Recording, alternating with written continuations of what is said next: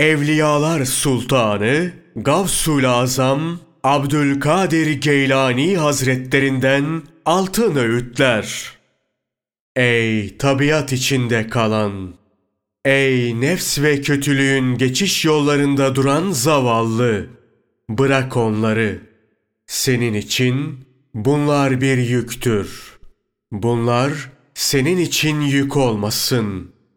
Fenanın eşiğine bu yükle varılmaz. Fenayı buluşun, hakka yaklaşma haliyle başlar.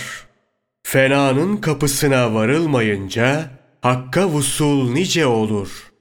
Bırak bu yükleri. Ufak bir hal görünce, erdiğini sanma. Dünya varlığını kalbinden çıkar. Çıkar ki, o tabiat karanlıkları, iman nurunu söndürmesin.''